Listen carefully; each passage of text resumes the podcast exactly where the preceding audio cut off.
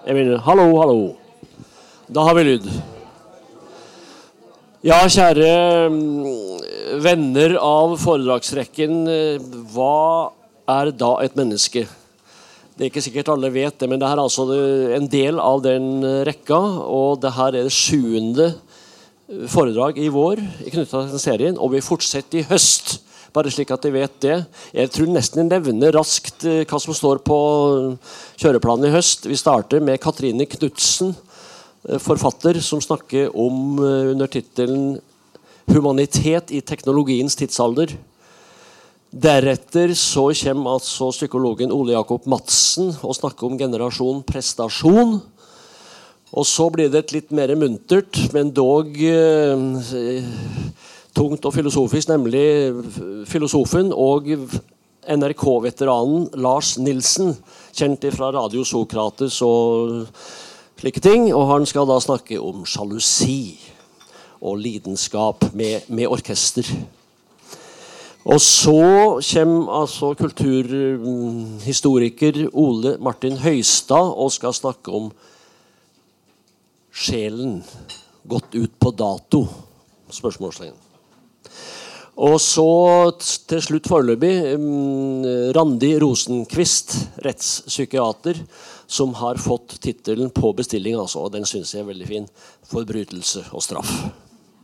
Så bare følg med på hva skjer på Litteraturhusets hjemmesider, så vil de være orientert hele tida om Og det kan bli mer, og det kan bli mer.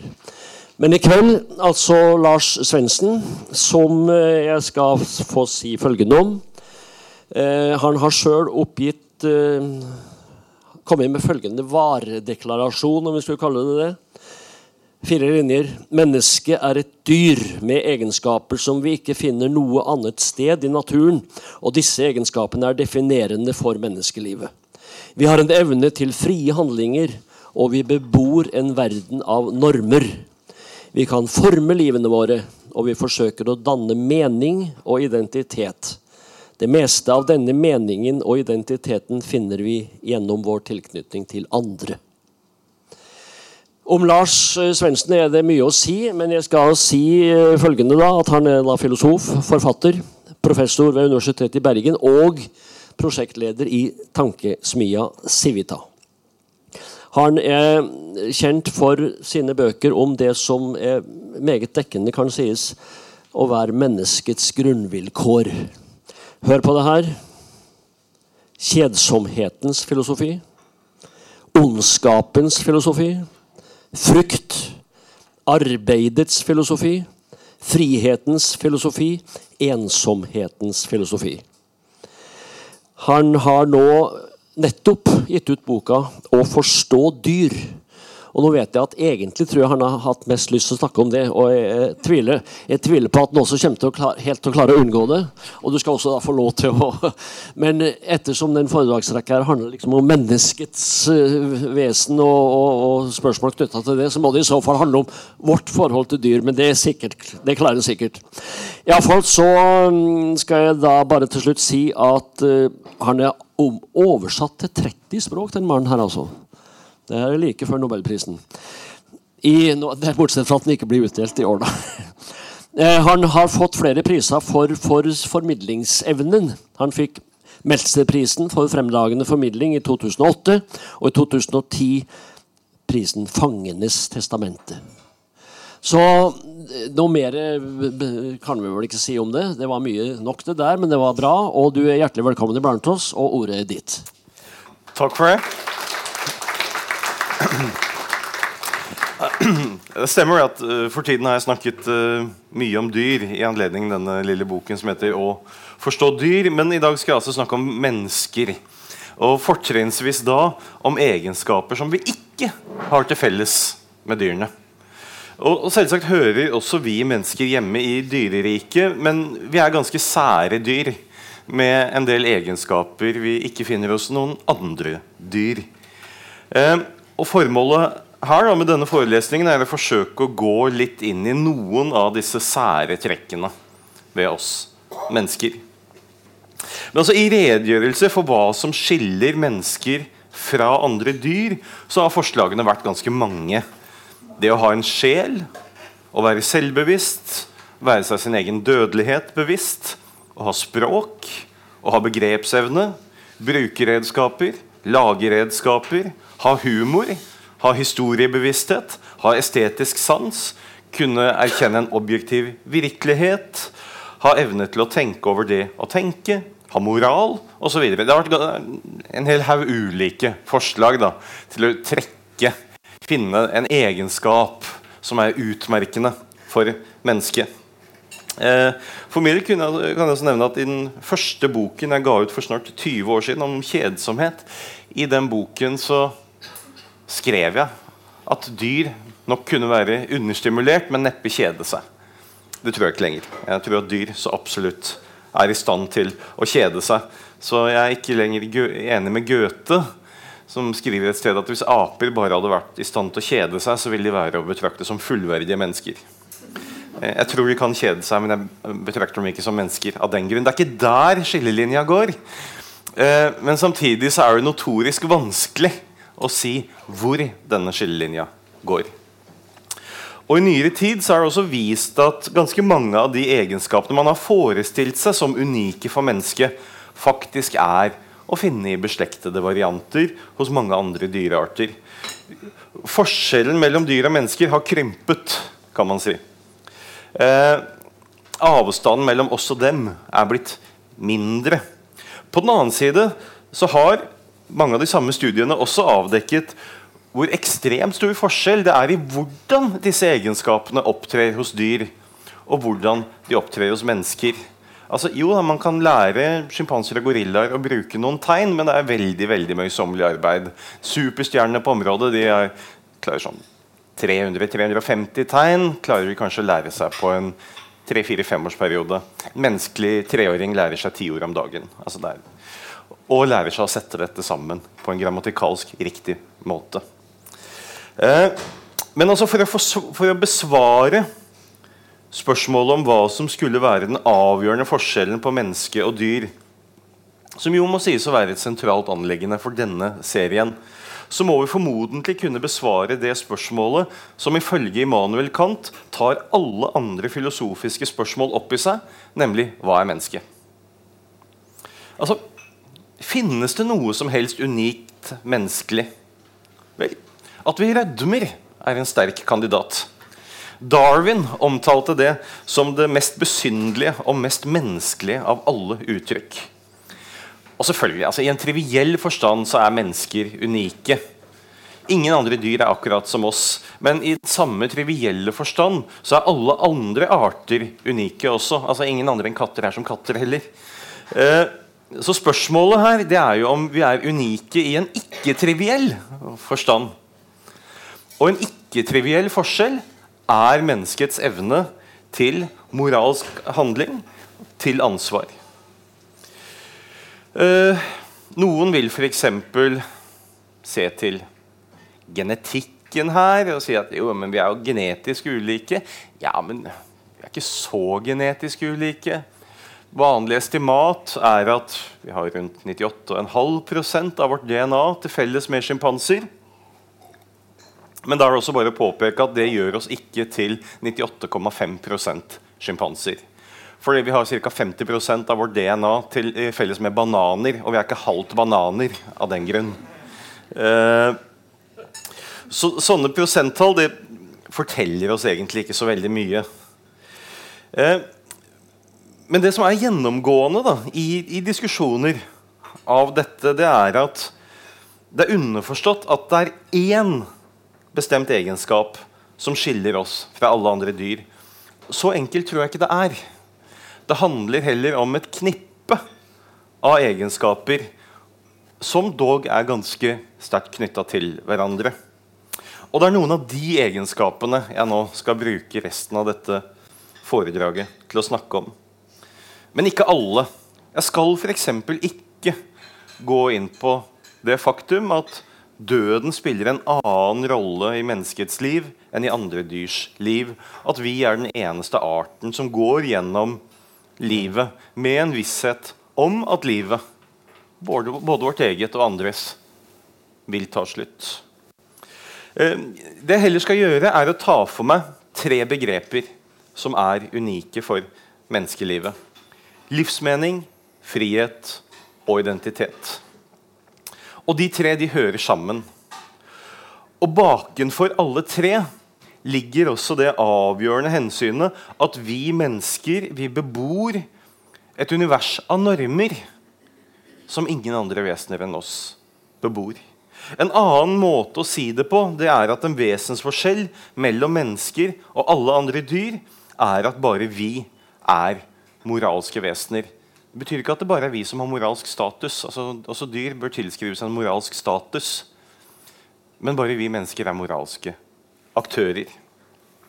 Så hender det jo riktignok at vi forholder oss også til andre skapninger, dyr, som om de var moralske aktører. Men vi vet jo egentlig at det er irrasjonelt, fordi det er en vesensforskjell her. Men man har ikke alltid betraktet det på den måten. Eh, særlig i renessansen, men at det begynner i, i, middelalderen, og det fins eksempler helt tilbake til forrige århundre, så gjennomførte man en rekke såkalte dyrerettssaker. Hvor man altså stilte dyr for retten på samme måte som mennesker. Og Et veldig kjent eksempel det er da en purke i den franske byen Savigny i 1457, som ble stilt for retten sammen med de seks grisungene sine, tiltalt for å ha myrdet et menneskebarn med overlegg og på skjendig vis, som det het i tiltalen. Og Purka og grisungene de fikk da, i samsvar med vanlig rettspraksis på dette tidspunktet, oppnevnt en egen forsvarsadvokat som talte deres sak. Og Noe av grunnen til at dette er et tilfelle vi kjenner veldig godt, er at de fikk en veldig kjent og veldig flink advokat.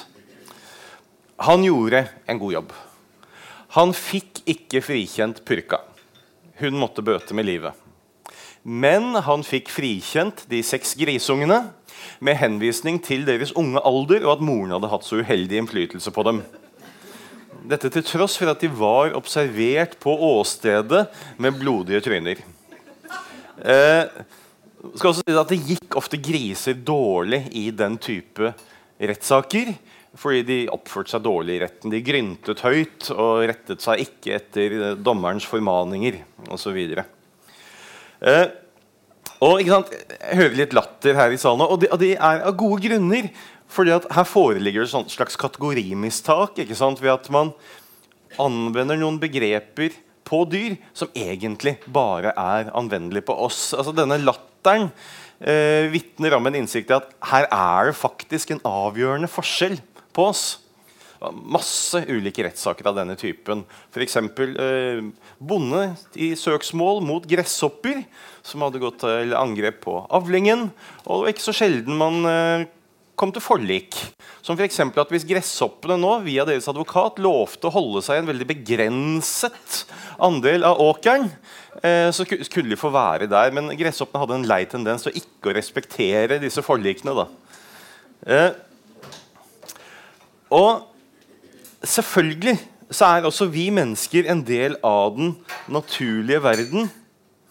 Men vi skiller oss også fra alt annet som finnes i denne naturverdenen, i noen avgjørende henseender.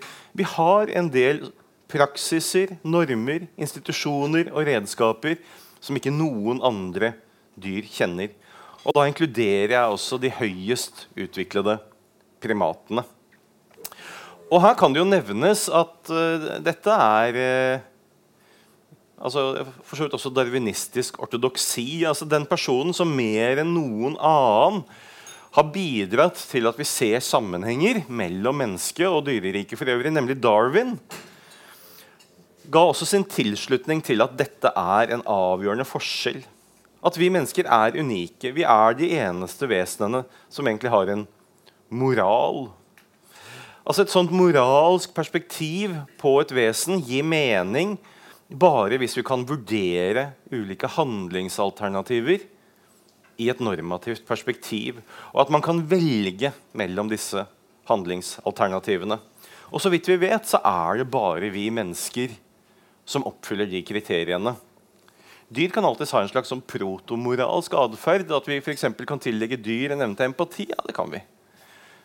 men det er noe annet enn en fullt utviklet moral.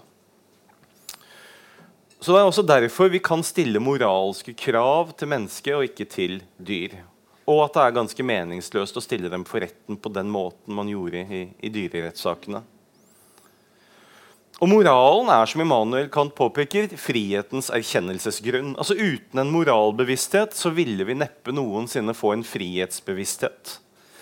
Moralen, det at vi opplever å være gjenstand for moralske krav, avslører for oss at vi bebor et univers hvor vi kan handle på den ene eller den andre måten. For det gir ikke mening å si at man bør handle på en bestemt måte hvis man ikke kan handle på en annen. Og Jeg skal ikke gå inn i noen større drøftelse av hvordan frihet er mulig i et univers hvor det tross alt finnes naturlover. Det er skrevet utførlig om i en bok som heter 'Frihetens filosofi', så det skal jeg ikke bruke tiden på her i dag. Jeg skal heller ikke gå nevnverdig inn på politisk frihet, på de rammene som bør finnes for friheten i et samfunn. Det er også skrevet utførlig om i den boken. I stedet så skal jeg se nærmere på de personlige aspektene ved friheten, og hvordan de er knyttet til spørsmål om mening og identitet. Men det er klart at disse tre dimensjonene de hører jo sammen. Altså Utgangspunktet vårt må jo være en klargjøring av hva slags vesen mennesket er. Og her er en artsspesifikk egenskap ved mennesket en evne vi har til å ta kontroll over livene våre, til å forme livene våre, enten vi gjør det på gode eller dårlige måter. Og etter det, når vi har klarlagt det, så kommer jo spørsmål om hva slags samfunn som er best egnet for vesener som har en sånn egenskap.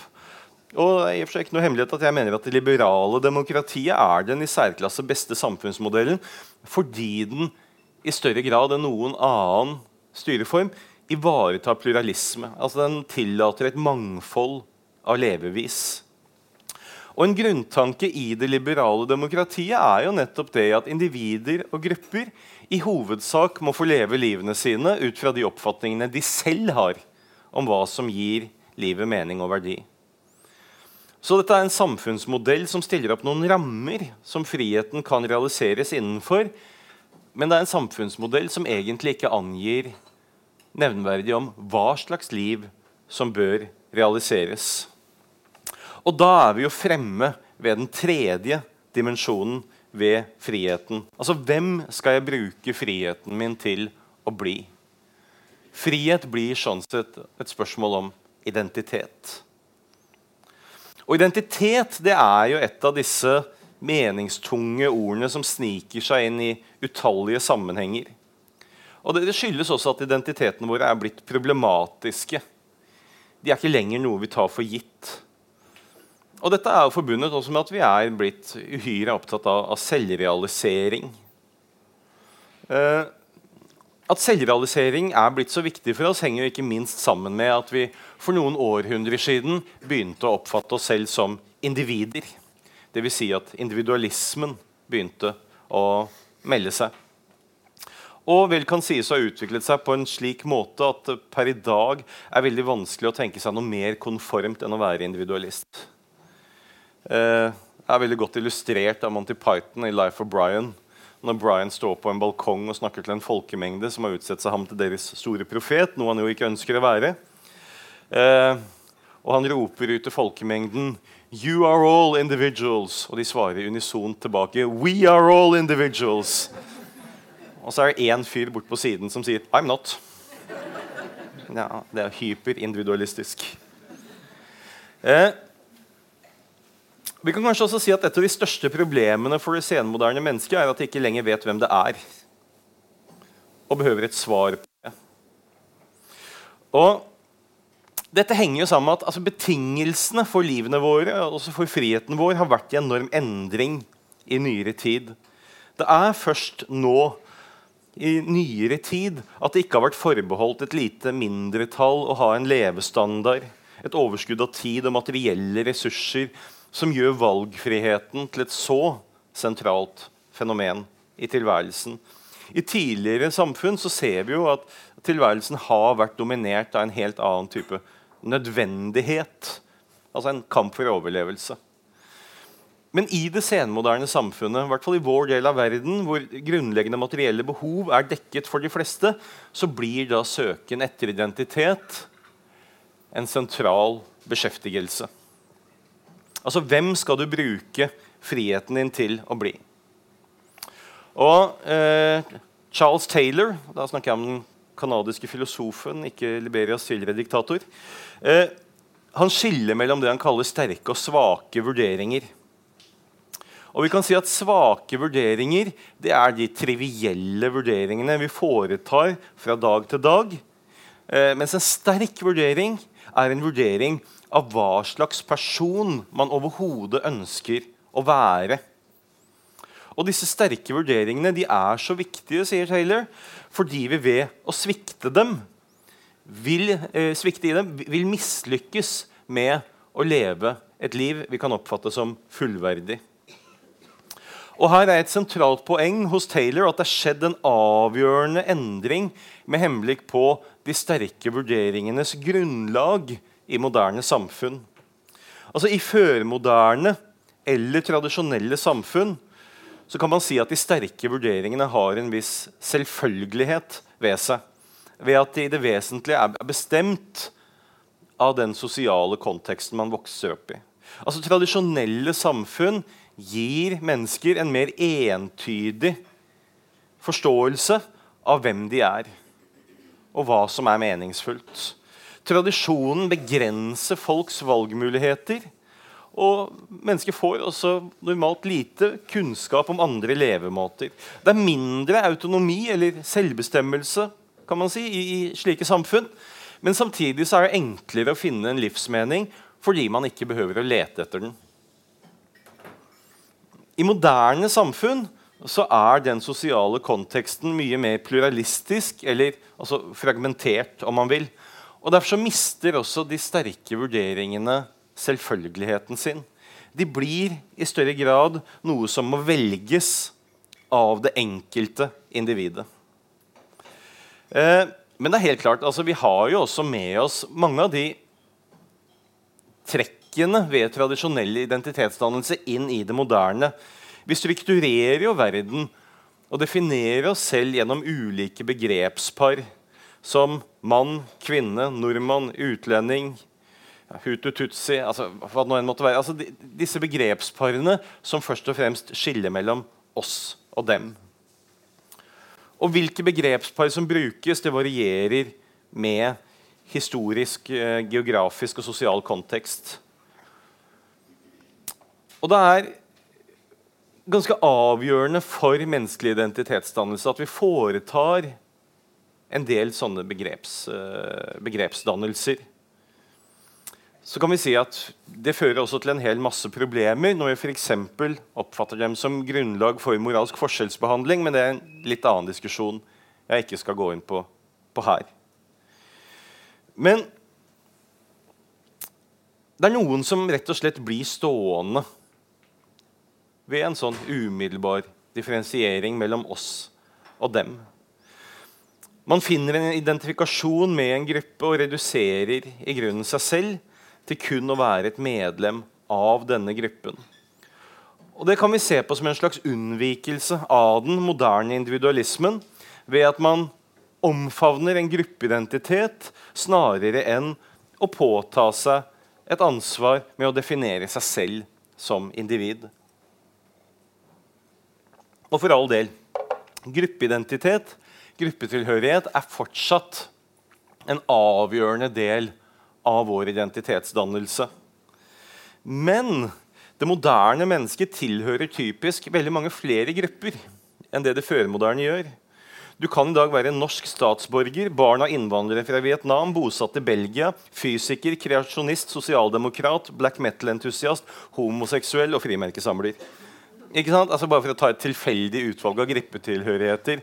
Alt det vil på ulikt vis bidra til din identitet. Det vil knytte deg til ulike grupper, men det kan også trekke deg i ganske ulike retninger. Altså Hele rammeverket for sterke vurderinger er blitt, blitt, mye løsere. Det er blitt mye mer mangfoldig, det er blitt mye mer ubestemt. Det er sånn sett mindre opplagt hva slags person man overhodet bør være. Men det betyr ikke at ethvert valg er like godt. Det fins bedre og dårligere vurderinger for å vurdere en identitet og et meningsfullt liv. Men det er ikke så enkelt å avgjøre hva slags liv man bør leve. Og som Viktor Frankel formulerer det sitat, I motsetning til dyrene forteller ikke menneskets instinkter hva han må gjøre. Og i motsetning til tidligere tiders mennesker forteller ikke tradisjonene hva han bør gjøre. Ofte vet han ikke engang hva han dypest sett ønsker å gjøre. Sitat slutt. Nettopp fordi det er så ubestemt hva det skal bli, så er jo det senmoderne mennesket så opptatt av, man kan kanskje til og med si besatt av, selvrealisering. Og, det, det, det, dette moderne individet er en interessant historisk figur. Altså, det er jo strengt tatt bare noen århundrer gammelt. Men for oss så er det så opplagt å tenke på oss selv som individer at det faller oss veldig vanskelig å tenke oss at man noensinne kunne ha betraktet dette annerledes. Altså Dette moderne individet er en sånn historisk skikkelse som er satt inn i verden med hovedoppgaven å skulle bli seg selv. Ikke sant? Det er et vesen med et historisk nytt ansvar for seg selv, nærmere bestemt for å bli seg selv. Og det faktum at det senmoderne mennesket er så opptatt av selvrealisering, vitner om at det stort sett også mislykkes i å bli seg selv. Som Frankel igjen treffende observerer en bumerang kommer bare tilbake til jegeren hvis, eh, som, som, kastet den, hvis han ikke har truffet målet. Og på samme, samme, vis vender mennesket tilbake til seg selv og tar sikte på selvrealisering bare hvis det ikke har maktet sin oppgave. Altså Hadde vi fått det til, så hadde vi jo ikke behøvd å prøve igjen og igjen og igjen. og igjen. Så Det moderne individet altså det, er, det, er, frigjort fra tradisjonenes makt, men det har også fått et historisk nytt ansvar for seg selv, og også for å bli seg selv. Som Nietzsche formulerer det, du skal bli den du er. Og dette individet det forholder seg refleksivt til seg selv. Altså Det er sånn sett selvopptatt. Eh, en viss refleksivitet det har kjennetegnet mennesker i ethvert samfunn. Men den refleksiviteten den blir mye sterkere i samfunn hvor mennesket ikke er så bundet til tradisjoner som forteller dem hvem de er. Og Det innebærer at disse menneskene i mye større grad må konstruere en selvidentitet ut fra de midlene den enkelte har til rådighet, snarere enn at dette selve fremstår som noe gitt. Selve blir noe som må skapes, overvåkes, opprettholdes, endres osv. Og, dette står veldig sentralt i det moderne eller senmoderne frihetsprosjektet. Og Dette er en tanke vi også kan finne i for den franske filosofen Michel Foucaults senfilosofi. Han avviser der helt og fullt tanken om at det finnes noe sånt som et selv som kan fungere som en norm. Det finnes ikke noe essens å falle tilbake på. Og Derfor må oppgaven for hver og en av oss skriver han, være at vi må skape oss selv som et kunstverk. Så Sånn sett så skal du ikke finne deg selv, du skal oppfinne deg selv. Og så Foucault altså, han ser på selve som en sosial konstruksjon, men det er en sosial konstruksjon som har evnen til å konstruere seg selv. Og En mangel her ved Foucaults redegjørelse det er jo at den ikke inneholder noen som helst prinsipper eller normer for den dannelsen av selve. Tvert imot så avviser han fullstendig at det skulle finnes noe sånt som en allmenn moral, noen praktiske prinsipper med allmenn gyldighet eller lignende. Noe av det nærmeste han kommer, er å fremheve livsstilen som en attraktiv konsepsjon for dannelse av selve. Men det som har slått meg da når jeg leser Foucault, det er jo at det er jo et selv som aldri klarer å bli seg selv.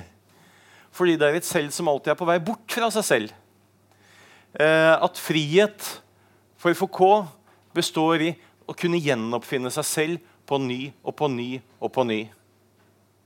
Og sånn sett så minner han, minner han litt om det er en skikkelse, en liten lignelse av Kafka, hvor det er en mann som ber tjeneren om å sale opp hesten sin. Så spør tjeneren hvor skal du ja, bort herfra. Går det litt videre, og tjeneren saler opp hesten, og så spør han men eh, hvor er det du skal. Hørte du ikke hva jeg sa? Bort herfra, det er mitt mål. Vekk von hier, das ist mein Ziel. Eh, altså Det er dette jeget som hele tiden kan man si, så å si, flykter bort fra seg selv. Som om den største, den hardeste skjebnen som kunne ramme en, måtte være og måtte vedbli å være seg selv. Eh, og man kan si at det er et selv da, som er underlagt en slags permanent selvrealiseringsjakt, og hvor det ikke finnes noen som helst normer for den selvrealiseringen. Og det opptrer da i en verden hvor det ikke fins én kollektiv mening med livet lenger. Én mening som den enkelte bare kan ta del i. I stedet så vil da enhver være henvist til sitt eget individuelle selvrealiseringsprosjekt. Og i den selvrealiseringstanken så er det selve selvrealiseringen som synes å få en slags egenverdi. Og den selvrealiseringsjakten der er kanskje det aller tydeligste eksempelet på hva slags grep individualismen har fått på oss. Altså individualismen, individet som en ideologi som på sett og vis også er en slags eh, intellektuell horisont for oss. som det, er, det, er, vanskelig for oss å tenke forbi den. Så tradisjoner det er noe som gir bestandighet, men de er blitt stadig mer oppløst gjennom moderniseringsprosessen. Og i mangelen på tradisjoner så blir vi hyperaktive livsstilskonstruktører i forsøk på å danne mening og identitet. Så vil kanskje noen si jo, men det finnes jo fortsatt tradisjoner. Bunad, f.eks. Eh, livsstilsgarnityr. Eh, og en livsstil er mer krevende å opprettholde. Altså den krever en slags vedvarende aktivitet. Og livsstiler går jo også av moten, slik at man stadig må vurdere hvorvidt man skal holde fast ved den, eller om man skal velge en ny, så fremt man skal klare å være på høyde med moten. Så det førmoderne mennesket da, det hadde en mer stabil identitet fordi det var forankret i en tradisjon, mens vi i dag i så stor utstrekning er frisatt fra tradisjonens lenker. Og der en tradisjon er noe som blir overlevert, så er en livsstil noe som blir valgt. Og det valget av én livsstil fremfor en annen er bare et løst forpliktende valg. Det kan alltid omgjøres. Og Det innebærer at for det barnet selve så blir det veldig vanskelig å unngå en slags kronisk leting etter alternativer som det kan velge mellom. Og det blir sånn sett noe veldig rastløst over dette livet. Dette er noe vi også kan se i arbeidslivet, eksempel, hvor turnoveren blir høyere og høyere. Altså Folk blir stadig kortere tid i den enkelte jobben. Ikke fordi de får sparken, men fordi det finnes en annen jobb som er enda mer attraktiv. Eh, hvilket skaper mye hodebry for eh, bedriftene. Men det, dette skal jeg ikke snakke om nå. Det holdt jeg et helt annet foredrag om et helt annet sted i landet i går. Så det skal jeg ikke gå videre inn på nå. Så altså, det Vi gjør, vi søker identitet, vi shopper også symbolverdier, vel vitende at de aldri varer. For å oppheve mangelen på varighet så blir ofte løsningen å stadig søke noe nytt. Slik at vi blir storforbrukere av nye ting, nye steder og nye mennesker.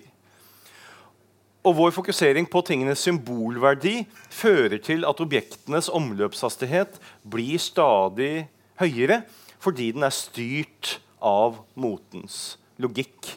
Altså Motens prinsipp er jo å produsere effektive tegn som raskest mulig skal bli ineffektive tegn.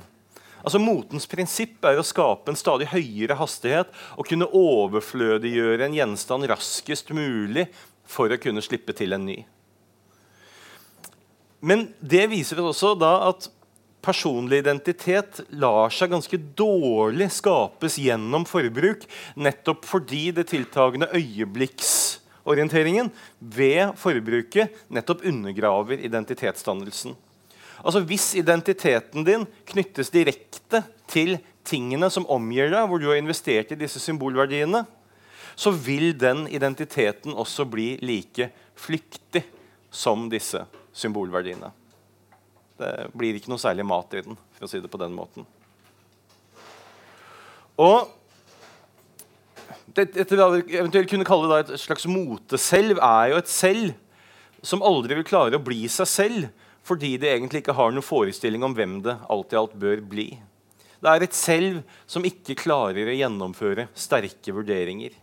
Og det er et selv som ikke klarer å fortelle en sammenhengende fortelling om seg selv fordi det fremtidige selvet hele tiden er så fullstendig ubestemt. Står så til de grader åpent. Og Som den franske filosofen Paul Ricoeur har påpekt, så krever en forståelse av selvet at man kan fortelle noenlunde sammenhengende historie om seg selv. Om hvem man har vært, og hvem man ønsker å bli, og hvem man er nå utspent mellom fortid og fremtid. Og det å fortelle fortellingen om seg selv er å bli seg selv. Og hva er det aller mest sentrale aspektet i den fortellingen? Jo, det er svaret på ett enkelt, eller i og for seg vanskelig, spørsmål. Hva er det du bryr deg om? Det er det grunnleggende spørsmålet i den fortellingen. Altså Mening og identitet er noe som kan etableres bare så fremt man bryr seg om noe. Og Nå er det ikke helt uproblematisk å, å redegjøre for hva det vil si å bry seg om noe. Men jeg legger meg her i utgangspunktet på samme linje som den amerikanske filosofen Harry Frankfurt. At det å bry seg om noe er å verdsette det. At det i vid forstand er gjenstand for ens begjær og at det er et begjær man ønsker å opprettholde. Det er ikke et forbigående begjær, men et begjær man identifiserer seg med, et begjær man betrakter som et uttrykk for hvem man virkelig er. Og det er ved å bry seg om noe at verden overhodet får mening for oss, og at livet får en retning. Og ved å beslutte seg for at et begjær er uttrykk for hvem man er, så konstituerer man samtidig seg selv som person. Og det vi bryr oss aller mest om, vel, det er det vi pleier å si at vi elsker. Derfor sier også Frankfurt at kjærligheten er den praktiske rasjonalitetens fundament. Den ytterste kilden til alle våre verdier. Det er det som er grunnlag for at vi kan tilskrive verdi som noe, noe som helst annet. Altså, bare hvis det er noe du elsker, vil noe annet kunne ha noen som helst verdi. Så må det også sies Jeg har uh, påpekt at dette senmoderne selvet det er mer enn en smule selvopptatt. Og jeg skal ikke skryte på meg så voldsom livsvisdom på mine 47 år. Men en ting jeg har innsett, er at hva man enn leter etter her i livet, så finner man det ikke ved å stirre inn i ens egen navle. Uh, og her er det viktig at man faktisk ikke er for selvbevisst når man bryr seg om noe. Altså Hvis jeg bryr meg om X bare for å kunne fortelle meg selv at jeg er en person som bryr meg om X, så bryr jeg meg om X av gale grunner. Hvis jeg f.eks. arbeider frivillig med å hjelpe dyr som behøver omplassering, ja, det er jo i seg selv prisverdig. Men det er jo noe jeg kan gjøre av flere ulike grunner. Jeg kan gjøre det fordi jeg oppfatter det dit at disse dyrene er i nød. De trenger hjelp. Eller jeg kan gjøre det fordi jeg ønsker å fortelle meg selv at jeg er en sånn person som hjelper dyr som er i nød. Og Gitt vår omfattende tilbøyelighet til selvbedrag så kan det være lett å gli fra det ene til det andre. Altså, Vår evne til selvbedrag er eh, til tider oppsiktsvekkende. Som Kant var helt innforstått med, så lyver man sjelden så overbevisende som når man skal være helt ærlig mot seg selv. Eh, men det er en forskjell her på det ene og det andre. Hvorvidt man nå gjør dette da, arbeidet med omplassering av disse dyrene av den ene eller den andre grunnen. For i det første tilfellet så er det jo objektet. Det er dyrene jeg bryr meg om. Det er de som står i sentrum for min oppmerksomhet. I det andre tilfellet så er det snarere jeg selv som har rykket inn i sentrum. Problemet her er jo at jeg i det andre tilfellet snarere enn å være til stede i mitt eget handlingsliv, har inntatt en slags utvendig, observerende posisjon, som om jeg studerte en annen aktør. Og derigjennom så svekkes også handlingens evne til å bidra med mening og identitet i mitt liv. Så for at X skal gi mening og identitet til mitt liv, så må jeg ikke være for eksplisitt opptatt av at X skal gi mening og identitet til mitt liv. Vi kan si at denne meningen og identiteten mer må oppstå som et slags biprodukt enn å være det jeg eksplisitt sikter meg inn på. Men det er helt klart slik at en person som bryr seg om noe, identifiserer seg med det han eller hun bryr seg om. Å bry seg om noe er konstituerende for selve og selvets prosjekter. Og Hvis jeg virkelig bryr meg om noe, så setter det grenser for handlingslivet mitt. For da er det visse handlinger jeg ikke under noen omstendighet kan se for meg at jeg vil utføre.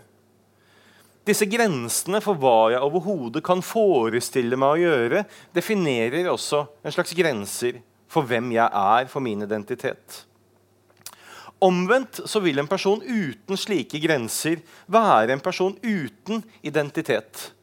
Fordi hva han eller hun gjør, vil egentlig til enhver tid være umiddelbart bestemt av omstendighetene. Det er ikke noe personen selv som definerer noen grenser.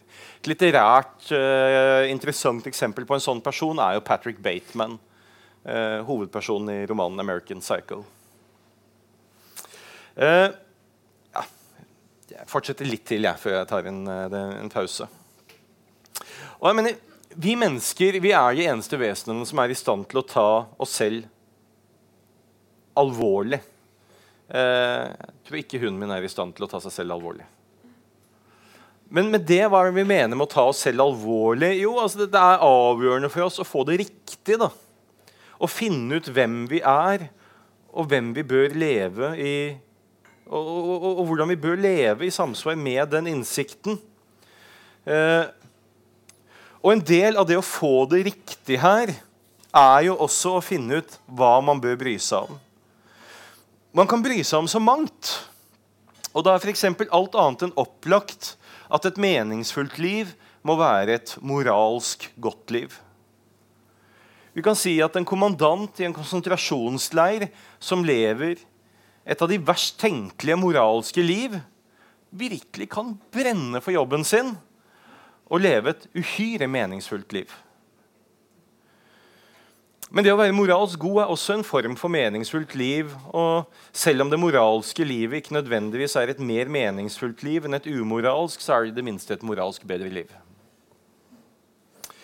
Og så vil jeg jo si at Det er ganske ukontroversielt å si at vel, noen levevis er bedre enn andre. Jeg vil f.eks. si at Raoul Wallenberg levde et moralsk bedre liv enn hva Adolf Eichmann gjorde. Det betyr ikke at Wallenberg levde et mer meningsfullt liv, eller at han brydde seg mer enn Eichmann gjorde. Eichmann var en person som i ekstrem grad brydde seg om sine oppgaver med å administrere transporten av jøder til konsentrasjons- og utryddelsesleirer. Men jeg vil samtidig si at det er ukontroversielt sant at Wallenberg fikk det uendelig mye riktigere enn hva Eichmann gjorde. Det er et normativt spørsmål her, og det normative spørsmålet er direkte forbundet med selve identiteten til Wallenberg og Eichmann. Og det normative spørsmålet det kan ikke stilles på bar bakke. Enhver undersøkelse av hva slags liv man bør leve, kan finne sted bare på bakgrunn av et forråd av oppfatninger og begjær som allerede er der. Hvis man skulle velge på bar bakke, så ville valget bli fullstendig vilkårlig fordi det ville være et valg som fant sted uten at man egentlig hadde noen grunn til å foretrekke det ene fremfor det andre.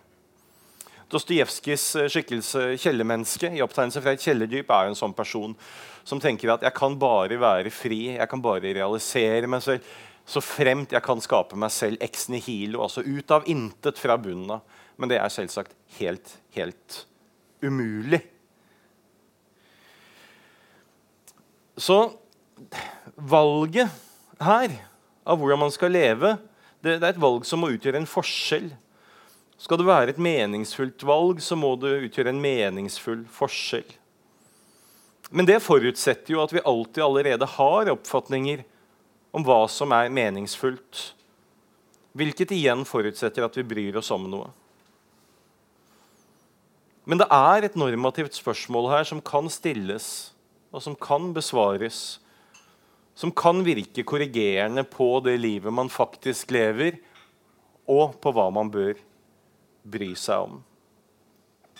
Uansett så er det slik at det å skape seg selv fra bunnen av det er ikke et alternativ.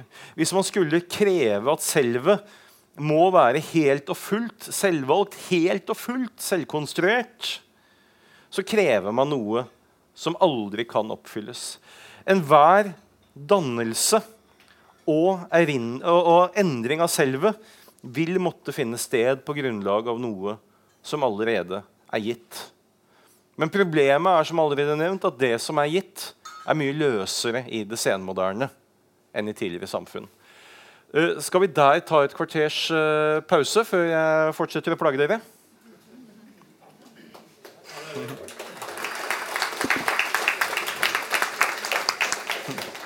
Det er ikke alle som får applaus. Ja, skal vi, skal vi fortsette?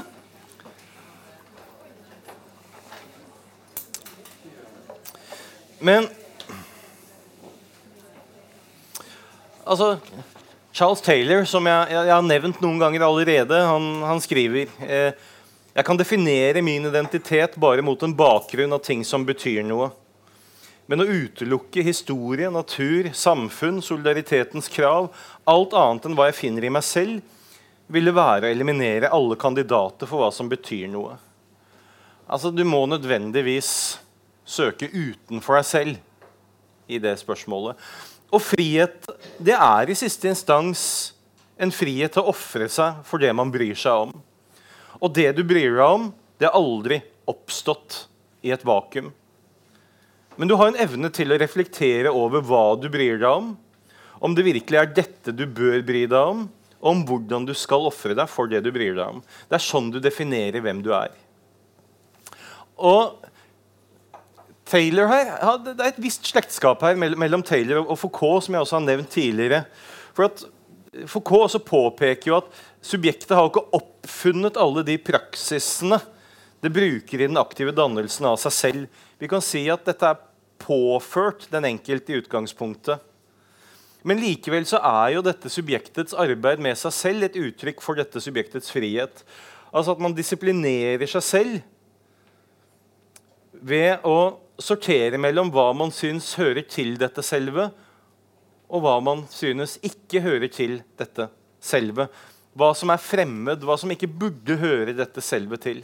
Altså Det er ved å stille spørsmål om hva man vil akseptere eller forkaste ulike sider av en selv, at selvidentiteten blir avdekket.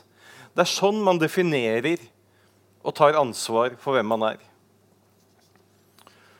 Og så sier alle, selv de mest selvtilfredse blant oss, har en forestilling ikke bare om hvem man er nå, men om et fremtidig selv hvor vi kan være en bedre utgave av oss selv finnes det jo selvsagt noen mennesker med så lite selvinnsikt at de oppfatter seg selv som, som fullkomne. Men uh, da er jo selvinnsikten nær null. Uh, de fleste av oss har en bevissthet om at vi har et stykke å gå før vi er blitt den vi bør være. Og vi har også en bevissthet om at vi neppe noensinne vil nå målet om å bli den vi bør være. Vi kan kanskje til og med si at vi føler oss forpliktet til en sånn gransking av oss selv. Som Kant formulerer det, så er mennesket det eneste vesenet som kan få en innsikt i seg selv, og som har en plikt til å søke innsikt i seg selv, for derigjennom å kunne bli et bedre vesen. Kant mener også det er grunn til å tro at de fleste av oss vil komme frem til et nedslående resultat hvis vi klarer å gjennomføre en noenlunde nøktern granskning av oss selv. Men nettopp fordi vi har en hang til selvbedrag, så vil vi som regel ikke nå frem til uh, innsikten i riktig hvor sørgelig det er stilt. Men selvbedraget vil sjelden være så totalt at vi ikke erkjenner at det er en avstand mellom hvem vi er, og hvem vi burde være. Og den personlige friheten din det er en frihet til å realisere verdier i livet ditt. Og Det betyr også at du må ta ansvar for hvilke verdier du velger å realisere. Et fritt liv behøver ikke nødvendigvis være et særlig meningsfullt liv, simpelthen fordi et individ kan velge å bruke friheten sin på lite meningsfulle måter. Et meningsfullt liv behøver heller ikke være et spesielt fritt liv, fordi et individ kan finne sin livsmening i en levemåte som gir friheten lite spillerom. Og den oppgaven alle har, det er jo å forsøke å, å finne en slags konstellasjon av, av, delmeninger her. Det finnes neppe noe endelig mål som alle andre mål henviser til. En endelig mening, bare en konstellasjon av delmål og delmeninger som kan undergrave eller støtte hverandre. Det fins neppe noe som helst som alene kan utgjøre en tilstrekkelig mening i livet. Så meningen i livet det består av et nettverk av delmeninger. Som forhold til familie og venner, et hjem, en jobb, en hobby, noen mål. Og så får man prøve seg frem og forsøke å finne frem til en konstellasjon av delmeninger som fungerer for en. Gjennomføre det John Stuart Mill for kalte livs eksperimenter. Så kan man jo med Aristoteles si at det finnes én en eneste ting vi søker ene og alene for dens egen del, nemlig lykken. Slik at også alt det jeg her har beskrevet, vil være underordnet dette store målet. Det er Problemet her det er at den aristoteliske forståelsen av lykken som noe allment og objektivt vil være lite overbevisende for det senmoderne mennesket som skal realisere en egen lykke. Vi vil i større grad se på denne lykken som noe ubestemt som den enkelte selv må finne ut av. Og Det finnes et mangfold av mulige og virkelige meningsfulle liv. Og hva slags liv som er aktuelt for deg, eh, det må du simpelthen finne ut av selv. Det vil avhenge av hvem du er, omstendighetene du lever i. Men det er en generell sannhet at for å ha et meningsfullt liv, så må du bry deg om det du fyller det livet med. Det vil også si at du må forplikte deg overfor noe. Forpliktelser er kanskje det som aller mest grunnleggende gir livet mening. Det fins utover det ikke noe generelt og informativt svar på spørsmålet om hva som gir livet mening. Og så vil det selvfølgelig også være fravær av mening. og Et av problemene for senmoderne mennesker ligger i å akseptere lommer av meningsløshet mellom delmeningene. At vi lever med en slags vakui, altså en frykt for tomrommet. Vi krever en absolutt meningsfylde, en total lykke. Eh, franske filosofen Pascal Bruckner har formulert det slik at eh, vi er de første menneskene som er ulykkelige fordi vi ikke er fullkomment lykkelige. Og denne lykken eller meningsfylden er noe vi ikke lenger bare mener at vi har retten til å søke, som det heter i den amerikanske uavhengighetserklæringen, men som vi mener at vi har retten til å få oppfylt. Og når denne urealistiske forventningen om den totale lykken ikke blir oppfylt, så er det noe som i seg selv har en tendens til å gjøre oss ulykkelige. Vi oppfatter det slik at lykken for så vidt er noe den enkelte har et krav på. Men vi har selvfølgelig ikke noe krav på lykke. Like lite som vi har et legitimt krav på ikke å være ensomme, f.eks. Eller et krav på å bli elsket. Og det vi også må lære oss å akseptere, det er at det finnes hindringer i livet som ikke er frihetens motsetning, men frihetens forutsetning. Det er ikke sånn at vi frigjør et menneske ved å la det slippe unna enhver forpliktelse, enhver binding, slik at det kan vie seg helt og fullt til seg selv. Til å la hele livet kretse rundt dette individets egen navle. Det å bli seg selv og realisere seg selv er også å ta ansvar for mer enn seg selv. Men her synes altså, det senmoderne mennesket også å være fanget i et slags paradoks, der det både ønsker en ubegrenset frihet og en tilhørighet. Og en oppløsning av det dilemmaet det krever jo at vi redefinerer forståelsen vår av den personlige friheten. For at noe jeg mener, og dette skriver jeg en del om i frihetsboken min også, det er altså en, en, en, sentral misforståelse i den senmoderne forståelsen av den personlige friheten er jo at man har tatt det som kalles negativ frihet, som er en viktig dimensjon ved politisk frihet, altså fravær av hindringer, og så har man gjort det til en slags norm for den personlige friheten. Og da blir den personlige friheten forstått negativt som en frihet fra alle forpliktende relasjoner til andre mennesker. Men den personlige friheten kan også tenkes som en frihet til å inngå den type relasjoner, og det er jo en mindre ensom frihet. Forpliktelser følger av det å bry seg om noe. Og de legger begrensninger på ens handlingsliv, og de krever selvdisiplin. Altså Hvis frihet oppfattes som fravær av begrensninger, og selvdisiplin setter begrensninger, så ville selvdisiplin være et hinder for frihet. Da ville så å si bare kompromissløs tøylesløshet oppfylle kriteriet for frihet. Men det ville jo være en feilslutning. Altså Hvis jeg disiplinerer meg selv, jeg velger å sette til side visse begjær, visse handlemåter, så vil jo det faktum at jeg selv har valgt den begrensningen, fjerne ufriheten ved begrensningen.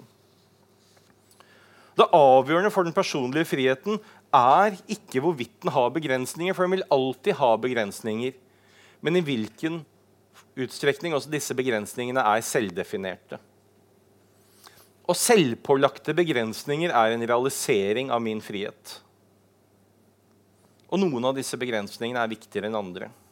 Og jeg vil si at altså, Hva skal den personlige friheten i siste instans være til for? Om ikke for å kunne gjøre en innsats for de menneskene som betyr mest for oss når de behøver oss som mest. Altså Den personlige friheten i praksis er ikke først og fremst en frihet fra alle byrder, men en frihet til å kunne vie seg til det som virkelig betyr noe for en.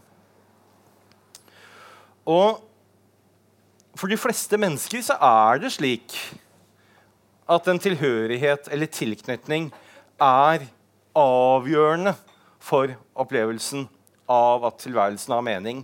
Det er ikke alle mennesker som er slik. Noen mennesker for eksempel, kan karakteriseres gjennom det som kalles sosial anhedoni. De finner altså ikke noe tilfredsstillelse ved omgang med andre mennesker. Men det er ganske sjeldent. For de aller fleste mennesker så er det slik at den aller største delen av deres livsmening består i relasjonen til noen ganske få mennesker.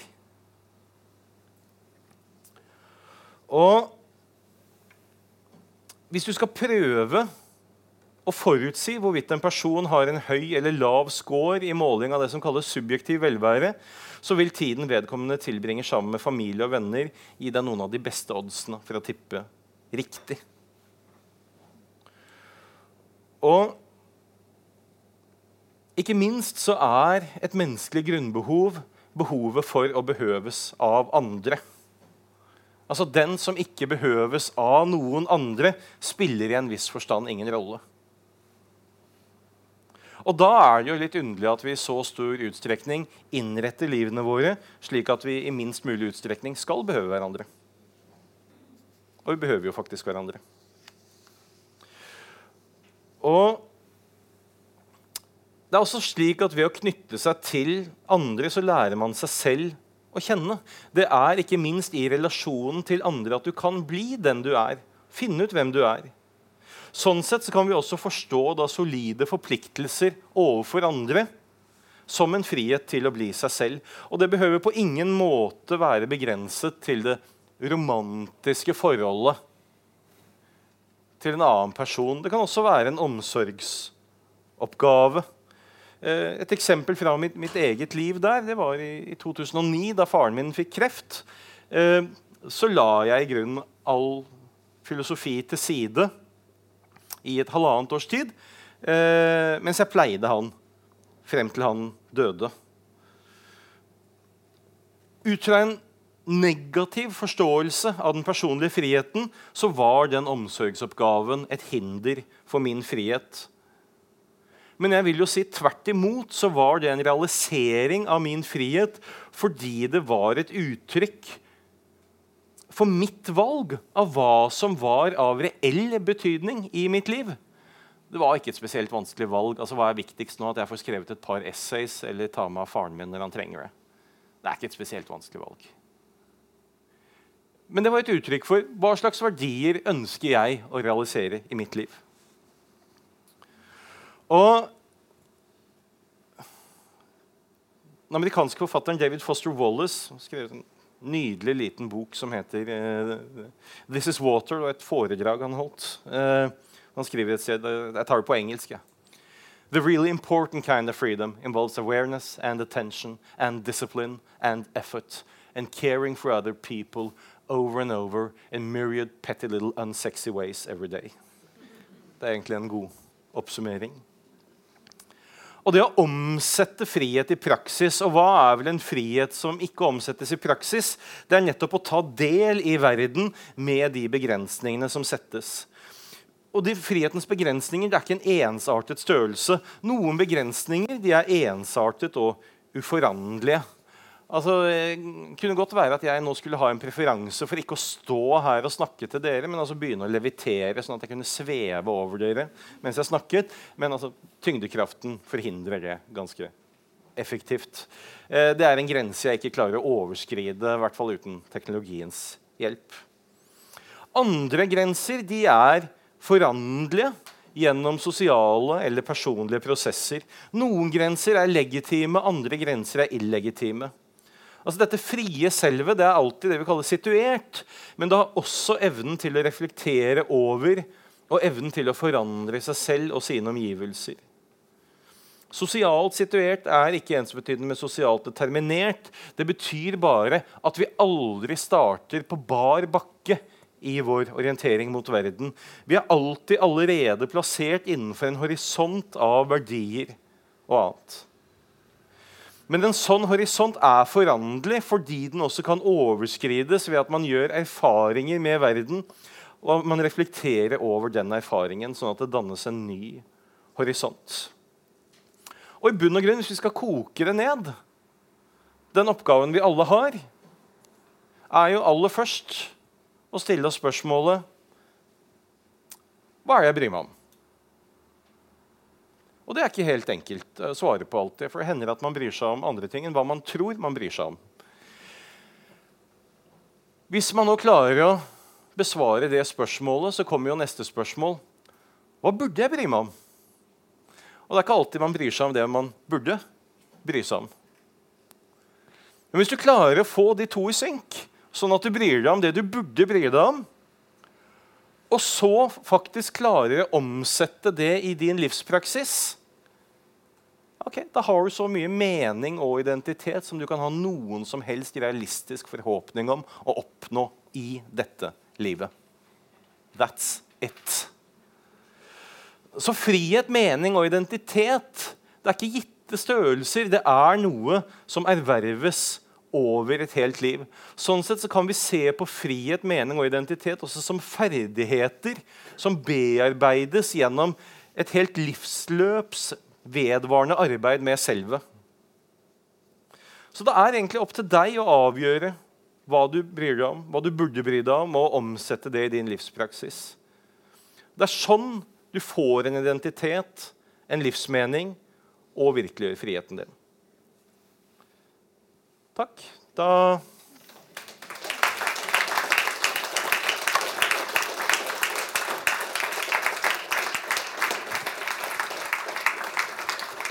Da var jeg ferdig med min lille introduksjon.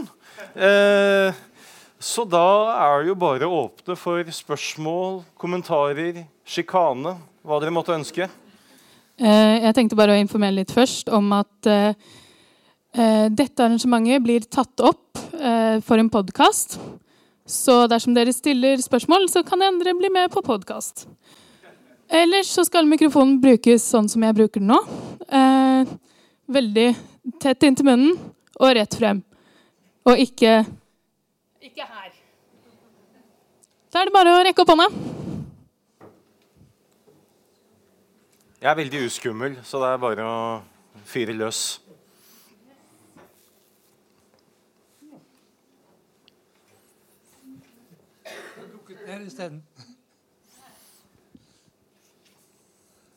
Jeg heter Otto Martens. Jeg har eh, levd ganske lenge. Og jeg har spekulert mye på det du snakker om. Og jeg har gjort meg noen meninger som jeg har lyst til kanskje å høre hva du mener om. Mm. Du snakker om eh, Du snakker om eh, moral, frihet og identitet. Og min første refleksjon på det er at disse begrepene de, de forandrer seg hele tiden. Moral Jeg vokste opp med at begrepet moral det var noe du lærte ved å lese bibelhistorien og høre på hva presten og læreren hadde å si om hva som var moralsk. Og det var Gud oppi der som bestemte det. Og det var livet for ikke min generasjon, men generasjonen før. Det var virkeligheten. Men nå Moral Snakker om moral nå? Ja Nei, eh, moral Nei, vi må heller snakke om noe praktisk.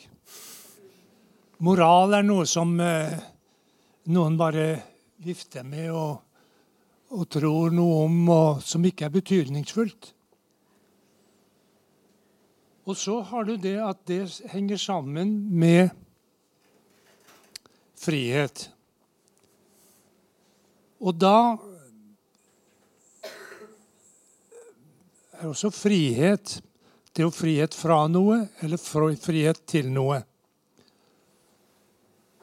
Og det som er gode med vår generasjon, er at vi har en frihet som kanskje ingen har hatt før oss.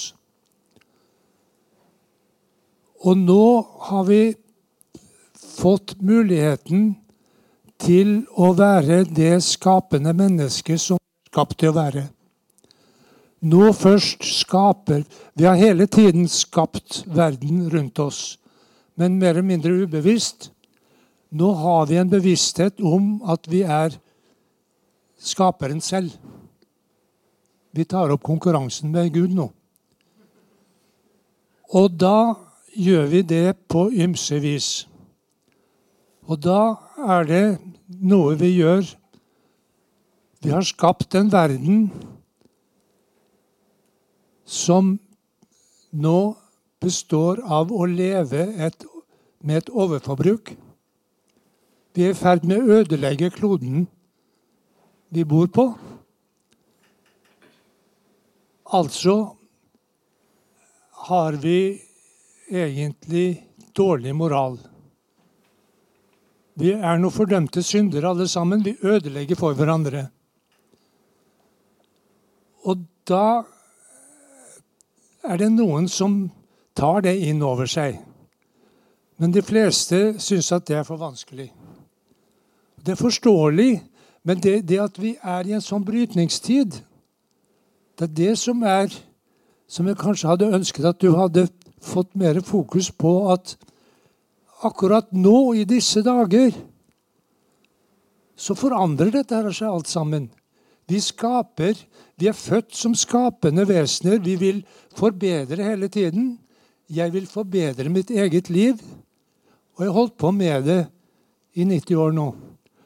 Og jeg syns at mye av det er blitt bedre. Jeg har skjønt mer etter hvert.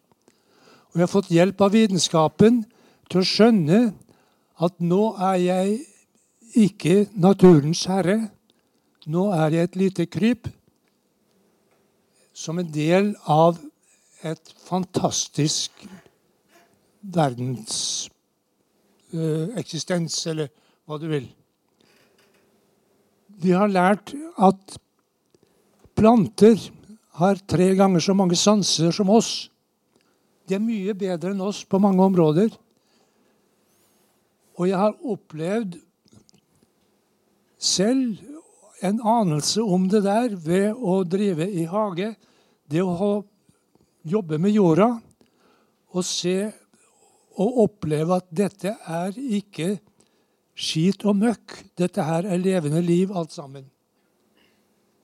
Da får du en helt annen holdning, og da er det gode liv Det er ikke å shoppe og kjøpe og kaste.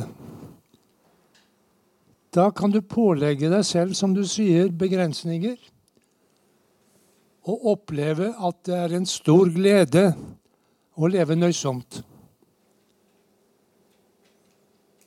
Og da har du også dette her med identiteten, da. At vi har hele tiden jobben med å skape oss selv. Og du, da snakker du om normer. Jeg skjønner ikke hvorfor normer. Vi, vi har forbilder. Vi vet fra historien om noe som er dumt gjort, og noe som er lurt gjort. Og noe som er bra, og noe som er mindre bra. Og vi har, kan identifisere oss med at hva synes jeg om dette her? Så det er riktig som du sier, at dette henger jo veldig nøye sammen. Men det går an egentlig hvis du er heldig å beholde helsen og leve en stund, og har lykkes med å få bygge et forhold til andre mennesker Først og fremst dine egne barn. Du er en far. Du har lært å være far. Du har lært å bli bestefar. Og du har lært at det er et gjensidig forhold som begge to profitterer på. Og dette her Da spørre om livets mening, da vil jeg si som Kumbel at spørge om livets mening. Livets mening Livet Hvordan er det han sier det? Livet selv er livets mening inntil du spørrer. ja. OK, det var det. Eh, takk for det. Det, det var jo eh, eh, omfattende. Eh, noe av det du etterlyste, håpet jeg at jeg faktisk hadde sagt litt om. Eh, nemlig at ja, det har vært disse eh, betydelige endringene i betingelsene for personlig frihet i nyere tid. Eh, og de endringene de, de, Noe av det skyldes endring i materielle kår, noe er institusjonelle endringer osv. Eh, og det er klart, moralen ja, altså Allmennmoralen er noe som er i vedvarende endring, i hvert fall når vi snakker om sånn enkelt, enkeltnormer. Men i det store og det hele så tror jeg at uh, allmennmoralen er er i orden. Folk vet stort sett hva som er galt og hva som er riktig. Hvorvidt de klarer å leve i samsvar med det, er en annen sak. Og hvis vi går ned på et nivå for basisnormer, altså de tingene vi aller mest grunnleggende mener er galt eller riktig, så er det forbløffende stor kontinuitet gjennom historien. og, gjennom, og mellom ulike samfunn. Eh, hvor man mener at disse normene henter sin autoritet. Om det er fra samfunnet, fra Gud, fra den enkelte selv osv. Det, det er en annen sak. Men selve normene er det veldig stor overlapping, overlapping i. Men det er også klart at ja, friheten er også noe som kan og ofte blir brukt på destruktive måter.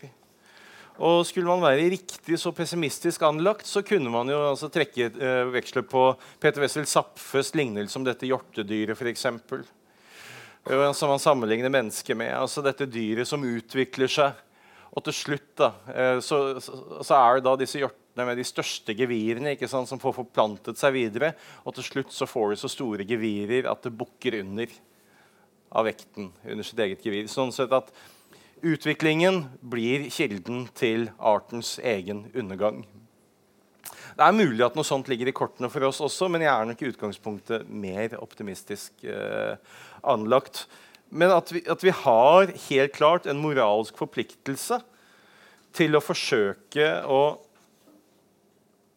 opprettholde denne kloden som beboelig også for fremtidige generasjoner, ja, det vil jeg si er ganske åpenbart.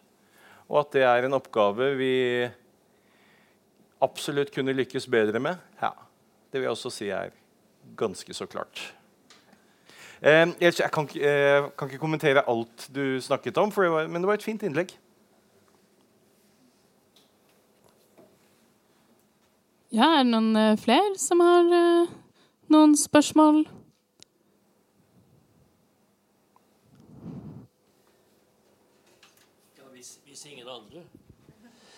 Ehm, for noen uker siden så var Inge Eidsvåg her og holdt et foredrag i samme serie om, under tittelen 'Døden livets følgesvenn'.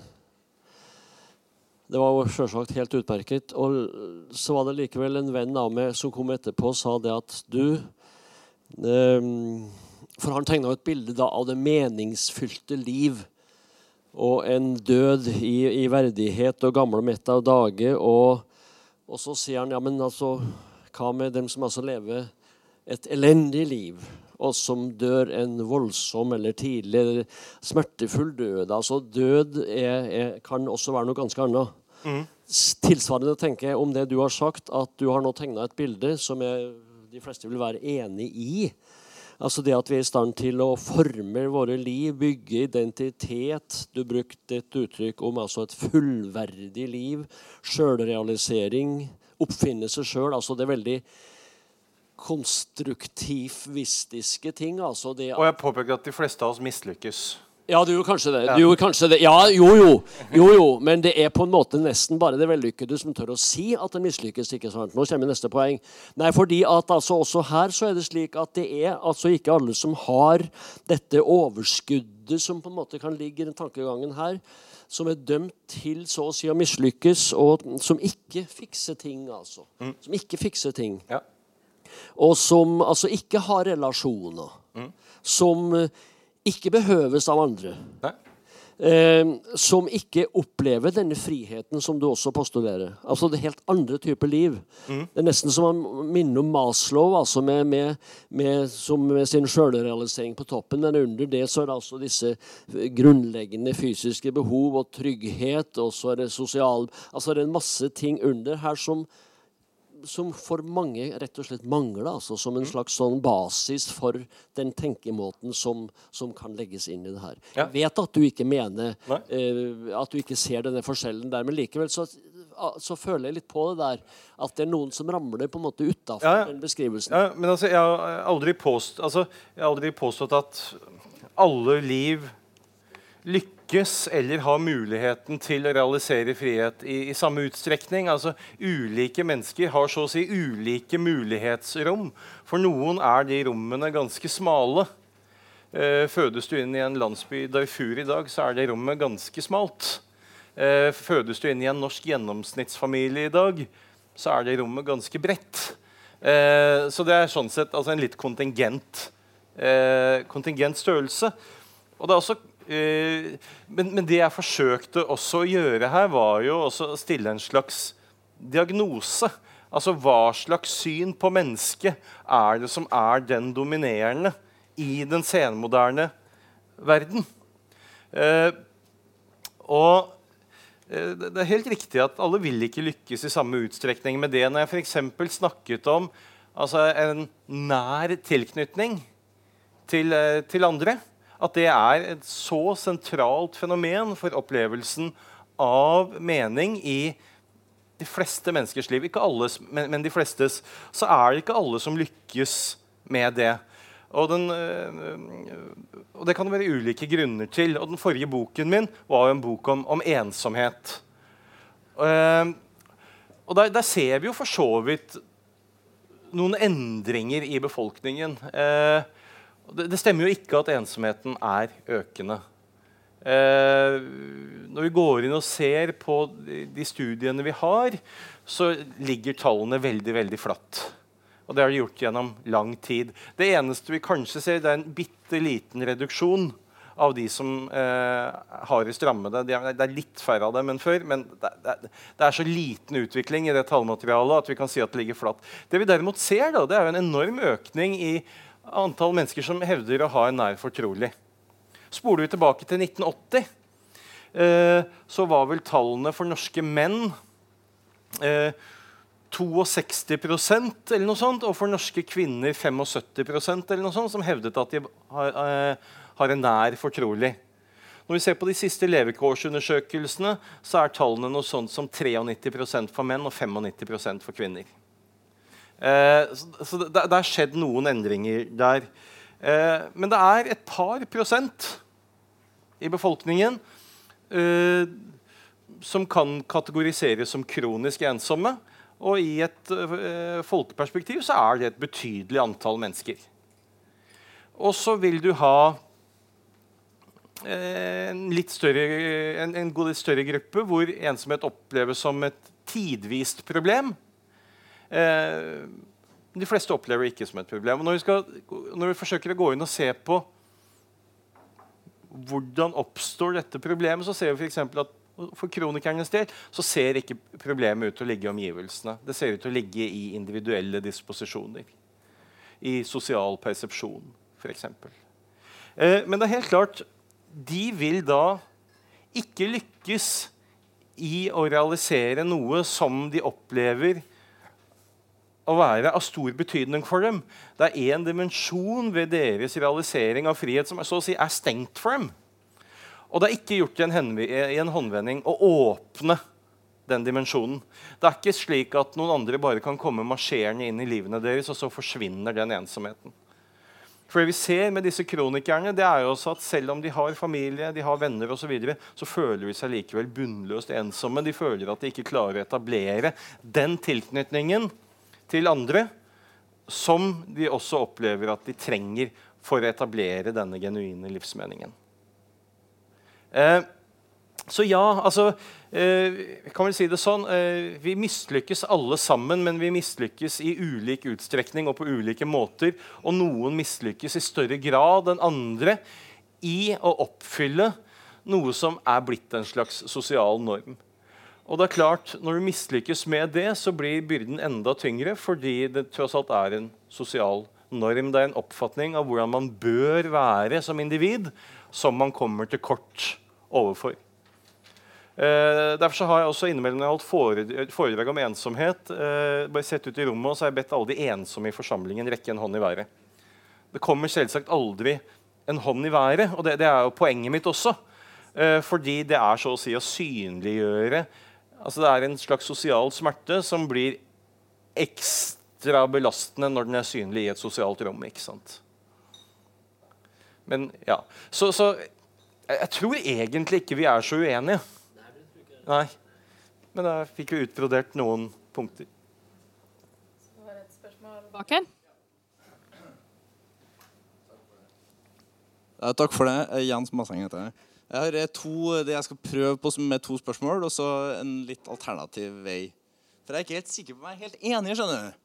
Uh, det her blir bare diffuse. Det er vanskelig å, å argumentere matchende med en statsfinansiert filosof, men, uh, men jeg skal prøve. Uh, for det første så lurer jeg på Du starter hele innledninga med å snakke om hva skiller oss fra dyr. Og Det er mulig at det ligger på en måte som en forutbestemmelse fra Litteraturhuset, eller noe sånt, men du velger likevel å bruke kreftene på det å innlede det hele med det spørsmålet. Og I mitt hode så er det et helt eh, redundant spørsmål, altså et overflødig spørsmål. For jeg er mest opptatt av å være et menneske. Eh, og i mitt hode så er det sånn at Spørsmålet om hvorfor kom vi mennesker til på jorda, det må det egentlig være Gud for å svare på. Jeg syns innledninga til, til, nummer to her var veldig god, som sier vi driver og tar over rollen til Gud. Og, synes, og Med all respekt så, så, forstår jeg ikke hvorfor du velger å stille spørsmålet, hvorfor du velger å besvare spørsmålet eh, hva skiller oss fra dyr. For det vet vi jo strengt tatt ikke. Altså, det er ikke. Vi kan gå med våre menneskelige begrensninger inn og studere forskjeller. Jo, det kan vi. Men, men det eksistensielle, det overordna spørsmålet om betingelsene for dyrs eksistens versus betingelsene for menneskets eksistens, altså det helt grunnleggende forskjell, det får vi egentlig aldri tak i. Naturvitenskapen kan ta tak i det, sosiologien kan ta tak i det, men filosofene det blir veldig vanskelig. Det blir nærmest metafysikk. Tilsvarende skjønner jeg heller ikke, og da er jeg inne på det jeg vil. og Det er knytta til begrepet mening. For jeg sliter med å forstå hva du mener med ordet mening. Mm. Eh, og da brukes det litt på forskjellige måter. Eh, dit jeg vil, bare for å være litt konstruktiv, da, det er jo det språklige. Og jeg skal komme tilbake til det. Veldig, jeg skal gjøre det veldig kort. Typisk ha lange innledninger og lange spørsmål på filosofikvelder. Men, eh, men, du snakker om mening som noe Det å finne mening i noe. Du finner mening når du bryr deg om noe. Jeg tror ikke det er sånn. Eh, så jeg kunne tenke meg å få et svar på hva du mener med ordet mening. Mm. Og så er det sånn da i mitt hode i stedet for. Men det her, det her er jo bare til diskusjon. da. Og det er det at For meg så er ikke frihet, altså negativ frihet, det som kjennetegner mennesket. Og jeg vet ikke hva som kjennetegner mennesket, men det jeg ser, det er at uten valgfrihet Nei, unnskyld. Valgfrihet bare, oppstår bare i bevissthet. Valgfrihet kan bare eksistere i et språk, hos en selvbevissthet. Og en selvbevissthet finnes ikke uten andre mennesker. Uavhengig om du bryr deg om dem eller ikke. Enig? Ja, det er litt sånn uh, Wittgensteins uh, ja. Uh, så, så, det som, så, det som, det jeg lurer på Og, i mitt hode så vil jeg heller enn en, dit at vi stiller spørsmålet Forholdet mellom Altså, hva er det som Ja, hva, hva er alternativet? jeg tror jo det er et sammenheng mellom valgfrihet Fellesskap jo et fyord i en sånn sammenheng. men, men sådan. Og hva er det som på en måte knytter oss sammen? Og hva er det som mennesket som sådan, i et, altså ikke i et fellesskap, men som sådan, står overfor som de største utfordringene kulturmessig? Vi har snakka om valgfrihet i så utrolig lang tid. Klarer vi ikke å ta steget litt lenger og så gå, komme inn på de temaene som truer oss alle som menneskehet, som f.eks. overforbruk osv.? Det blir veldig normativt perspektiv. Men jeg tror at miljøkrise sånn type spørsmål handler mer om bare at vi bryr oss. Noen bryr seg om, om vi, noen bryr seg om verdens framtid. Det, det, er noe mer enn det. Ja.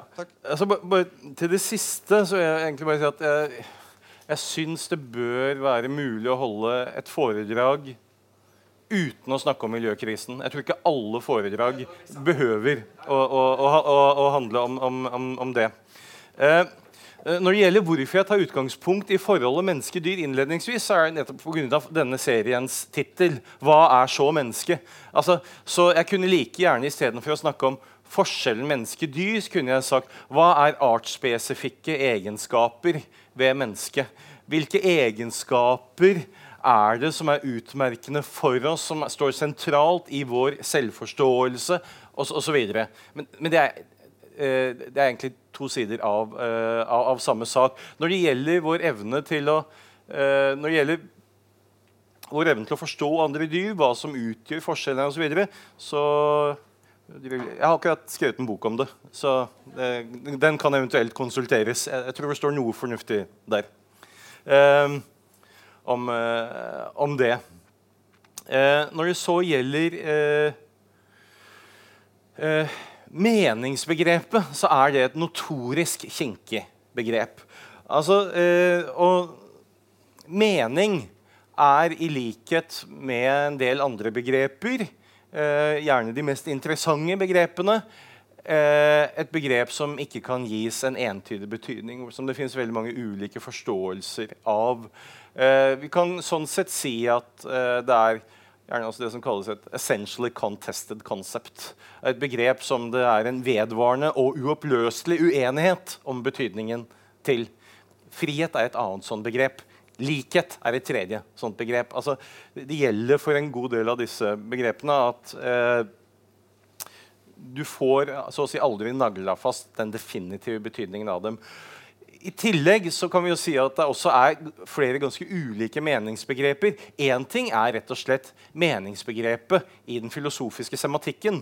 Eh, hva er meningen til et språklig uttrykk? Jo, det er, det er greit. Det, det, det, er ett meningsbegrep.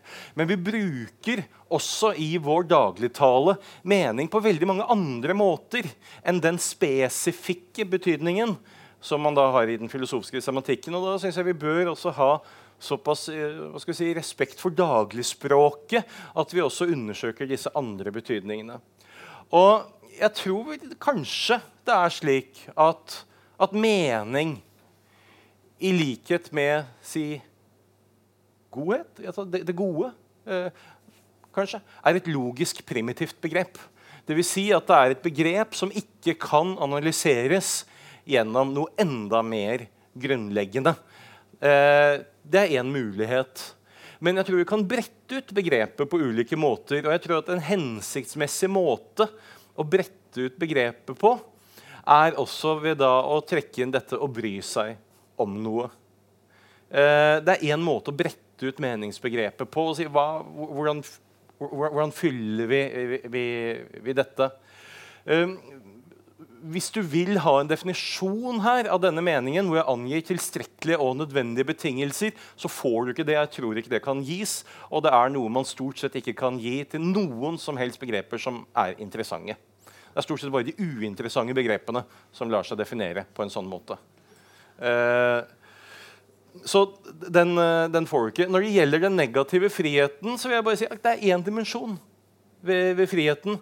Det er en dimensjon ved friheten som er viktig, veldig viktig i en politisk kontekst, som en del av rammeverket vi realiserer livene våre innenfor. Det betyr ikke at den er enerådende innenfor den politiske dimensjonen. fordi negativ frihet er en ufullstendig redegjørelse også for politisk frihet. For frihet må også forstås som å ha mulighet til å ta kontroll over livet, mulighet til å forme dette livet. Og det krever noe mer enn fravær av innblanding fra andre. Det er materielle og institusjonelle forutsetninger for å kunne gjøre det. Poenget mitt er jo videre at det jeg mener er en brøler i den senmoderne forståelsen av friheten, er jo at man har tatt den negative friheten fra, den, fra det politiske domenet, og så har vi gjort det til et livsideal. Og der mener jeg vi går i baret. Eh, fordi det fungerer veldig dårlig som et livsideal. Det er en veldig effektiv måte å tømme både jeget og friheten for all substans på. Å gripe den personlige friheten an på den måten.